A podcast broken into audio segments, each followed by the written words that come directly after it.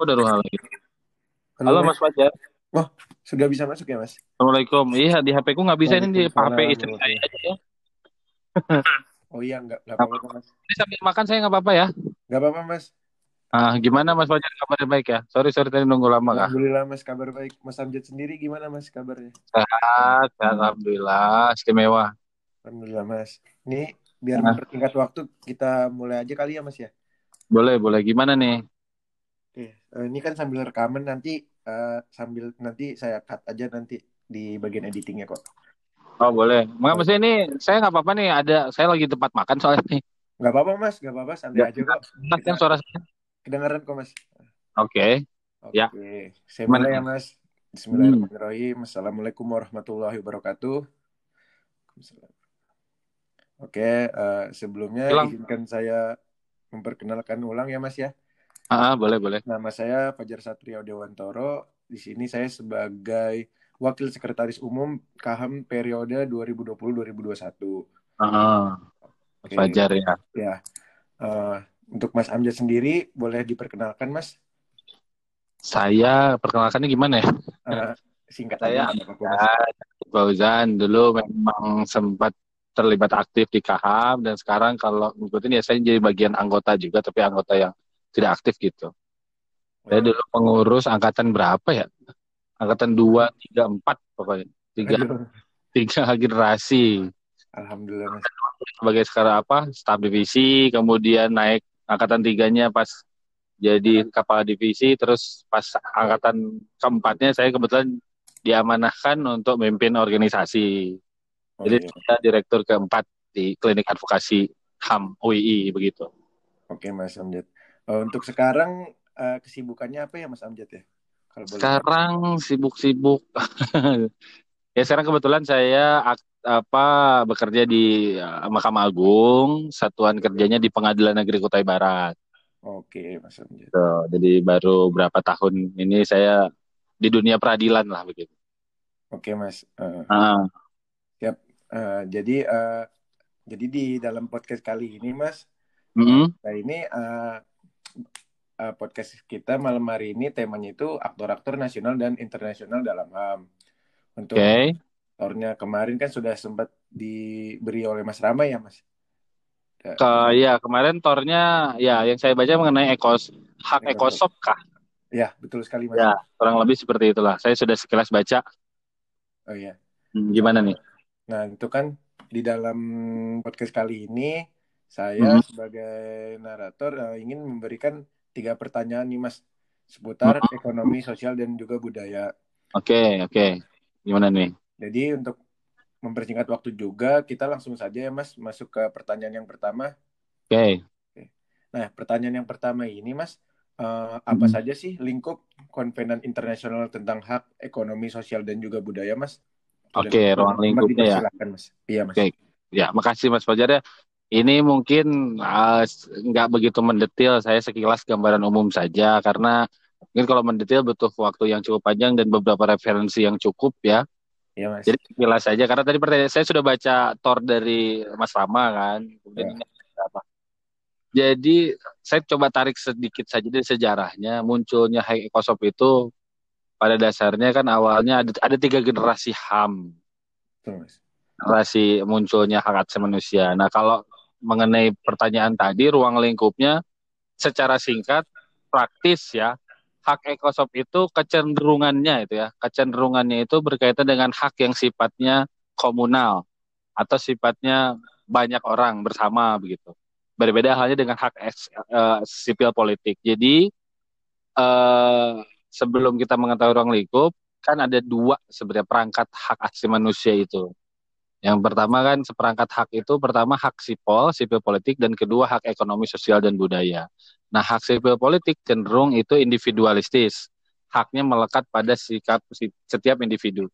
Nah, sedangkan hak ekonomi sosial budaya itu lebih cenderungnya dia komunal, jadi masyarakat atau pada umumnya semua orang gitu. Oke. Itu uh, ruang lingkup yang pertama. Nah, dalam hal uh, pemenuhannya hak ekonomi sosial itu, ekonomi sosial budaya itu, itu diperlukan peran aktif dari negara.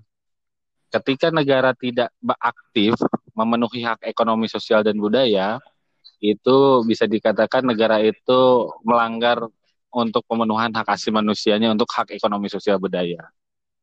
Nah, kategori komunalnya itu karena sifatnya apa untuk banyak orang bisa kita pahami itu apabila kita contohkan kategori HAM-nya itu apa saja begitu.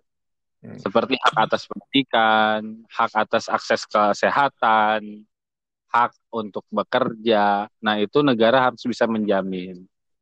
Nah, jadi secara sifat dan ruang lingkup kita bisa pahami bahwa hak ekonomi sosial itu kecenderungannya dalam ruang lingkupnya hak yang sifatnya itu untuk semua orang dan merata begitu. Tidak hanya melekat dalam individu tapi setiap orang itu punya hak yang sama atas pemenuhan ekonomi sosial budaya. Oke, Mas. Sekilas seperti itu. Oke, Mas. Terima kasih atas jawabannya. Uh. jika tidak ada tambahan lagi, mungkin kita bisa lanjut ke pertanyaan yang kedua ya, Mas Amjad. Boleh, cuman saya ingin sedikit menyinggung saja kalau secara dasar normatifnya ya, karena uh, apa aspek hukumnya kan supaya jelas. Hmm. Itu ada Kovenan Internasional tentang hak ekonomi, sosial dan budaya. International Covenant of Economic, Cultural and Social hmm. Right gitu. Nah, di situ ada komponen-komponen hak-hak apa saja yang uh, termasuk dalam hak ekonomi sosial budaya dan itu telah diratifikasi oleh Indonesia pada tahun 2005, tepatnya Undang-Undang Nomor 11 tahun 2005. Nah, itu ada komponen-komponen HAM-nya di situ untuk ECOSOP ya.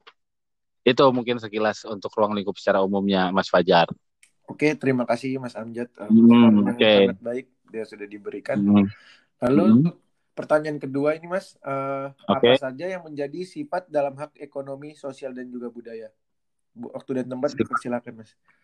Oke, baik. Dalam sifatnya ini pertama ada ketergantungan, interdependensi, kemudian saling keterikatan, ada interrelated ya.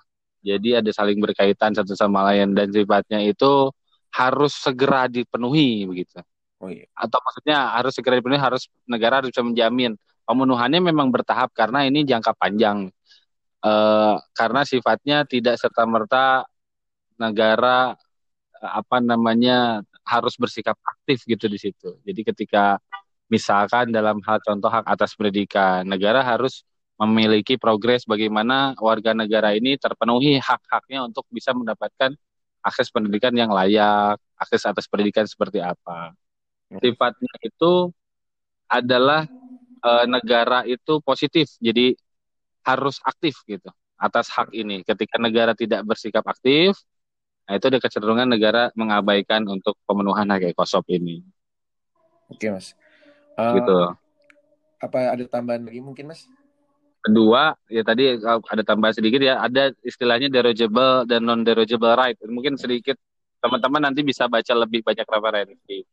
Jadi karena ini sifatnya bergantung dengan yang lain, dengan hak hak yang lain, sehingga negara bisa membatasi untuk pemenuhan ini dalam rangka menjaga stabilitas karena sifatnya tidak melekat pada diri sendiri tapi lebih sifatnya komunalistik ya jadi bersama-sama jadi pemenuhan secara bertahap negara bisa membatasi hak-hak ini dalam rangka pemenuhan hak untuk semuanya kemudian dari segi apa sifat yang lainnya negara uh, bertahap memenuhinya karena perlu proses panjang untuk pemenuhan hak ini terhadap seperti itu untuk sifatnya Oke Mas, terima kasih atas pemaparannya Mas. Oke. Okay. Jika pertanyaan kedua sudah selesai, mungkin kita lanjut ke pertanyaan yang terakhir ya Mas. Boleh, boleh. Ya. Gimana gimana? Itu apa saja yang menjadi contoh dalam hak hak ekonomi, sosial dan juga budaya Mas? Oke. Secara normatif ada di kalau kita merujuk ke kata internasional ya. Iya Mas. Covenant itu kan ada di ICIS IC ISCR, ICIS, Covenant Internasional tentang Hak Ekonomi Sosial dan Budaya. International Covenant on Economic, Cultural and Social Right gitu. Di situ ada beberapa komponen hak-hak yang masuk ke hak ekonomi sosial budaya, kemudian telah diratifikasi oleh Indonesia lewat Undang-Undang Nomor 11 Tahun 2005.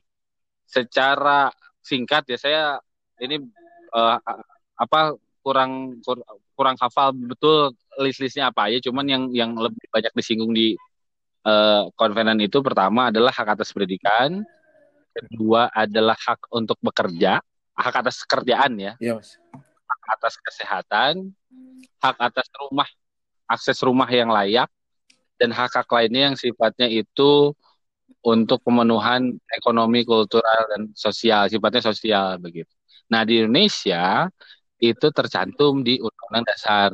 Jadi selain dia meratifikasi, tapi sebetulnya Indonesia sudah lama dari tahun 45 itu, kemudian di amandemen tahun 2000-an, 99 2000-an kan ada beberapa hak ekonomi sosial yang diatur dan diakomodir di Undang-Undang Dasar. Seperti hak atas pendidikan, bagaimana akses pendidikan itu diprioritaskan oleh negara, APBN 20% minimal untuk pemenuhan pembiayaan pendidikan. Kemudian hak atas kesehatan itu menjadi hak secara konstitusional juga. Oh, iya. Jadi secara konstitusi hak ekosop ini sudah diakomodir. Kemudian hak untuk pekerjaan, setiap orang bebas memilih pekerjaannya dan negara harus menjamin akses pekerjaan yang layak bagi semua warga masyarakat. Nah itu salah beberapa jenis-jenis hak yang termasuk hak ekonomi sosial dan budaya. Lebih seperti itu Mas Fajar. Oke Mas, uh, terima kasih atas pemaparannya Mas. Uh, Oke. Kita di sini saya ingin mencoba sedikit merangkum ya Mas. Kalau ada salah, oke oke. Mungkin bisa dikoreksi. Nah jadi, oke oke. Menurut yang saya tangkap ini, uh, ekonomi hmm. sosial budaya ini sifatnya itu kovenan ya Mas ya. Gimana gimana? Uh, sifat dari hak ekonomi sosial budaya ini uh, kovenan ya Mas ya, betul ya?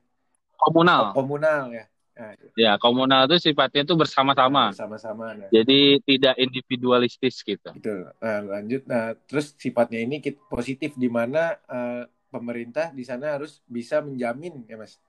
Menjamin ya, kepada aktif dia. masyarakatnya. Menjamin.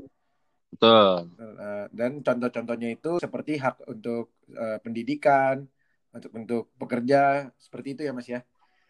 Yes, nah, kesehatan juga tadi. Oke Mas, uh, terima kasih Mas. Nah untuk penutupnya Mas, uh, di sini uh, saya ingin mengajak Mas Amjad sendiri uh, untuk uh, memberikan uh, sedikit sedikit apa ya sedikit pesan uh, untuk anggota KAHAM periode 2021 ini yang di mana kita juga sedang mengalami masa yang cukup sulit di masa pandemi ini, Mas. Uh, Iya repot ya pandemi ini ya. Mungkin Mas Amjad ada sedikit uh, pesan untuk kita semua, Mas. Ini ada untuk calon baru atau semuanya kali ya? Uh, boleh untuk anggotanya nanti juga boleh untuk calon anggota baru. Oh.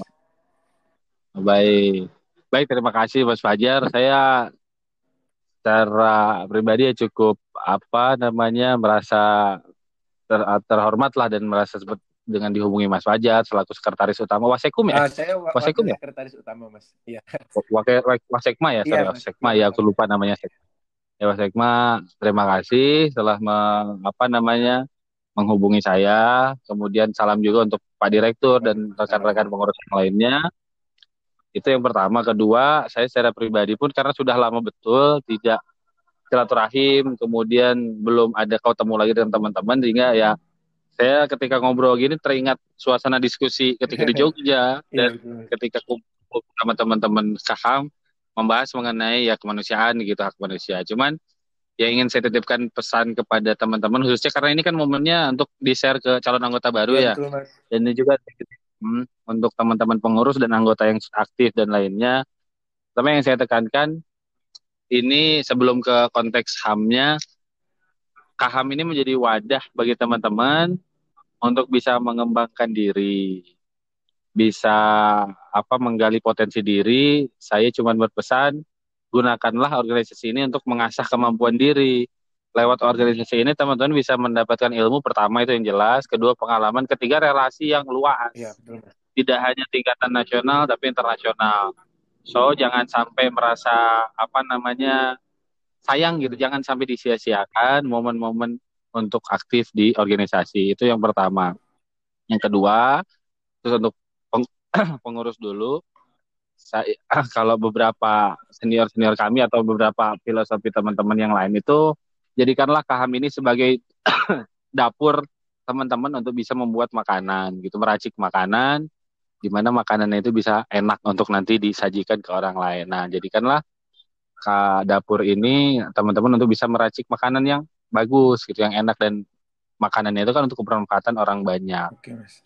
Itu bagi teman-teman semuanya. Khususnya untuk anggota dan para calon anggota baru itu pun ini jadiin landasan untuk teman-teman bisa mengasah dan menambah wawasan karena dengan belajar HAM ini kita belajar juga secara nilai keislaman ini habluminanas. Hmm, Jadi mengenal manusia. Dari situ pun kita bisa secara transdental kita bisa mengetahui bagaimana hubungan kita dengan Tuhan bahwa kita juga diciptakan oleh Tuhan. Jadi nilai-nilai ketauhidannya ada kemudian nilai-nilai horizontalnya ada. Jadi hablum minallah dan hablum minannas nah, yang ingin saya tekankan di sini tekunilah apa yang dikerjakan uh, kemudian uh, dimaknai betul apa yang dijalankan dan insya Allah semuanya ada hikmahnya ilmu yang kita jalani dan perjuangan yang dijalani oleh teman-teman nggak akan sia-sia ke depannya. Itu pasti bermanfaat bagi semuanya.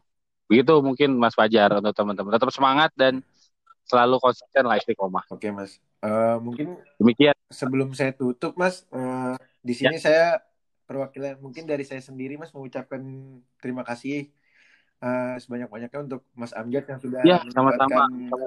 menjadi untuk Mas narasumber dalam podcast ini ya Mas ya. ya. Sehat-sehat ya, mohon maaf saya ada yang nggak berkenan atau seperti apa karena ya segala keterbatasan ya. gitu dan saya juga sudah, sudah lama mungkin nanti lain waktu bisa kita banyak-banyak diskusi kembali. Boleh Mas, uh, mungkin di lain waktu kita hmm. bisa bertemu ya Mas ya.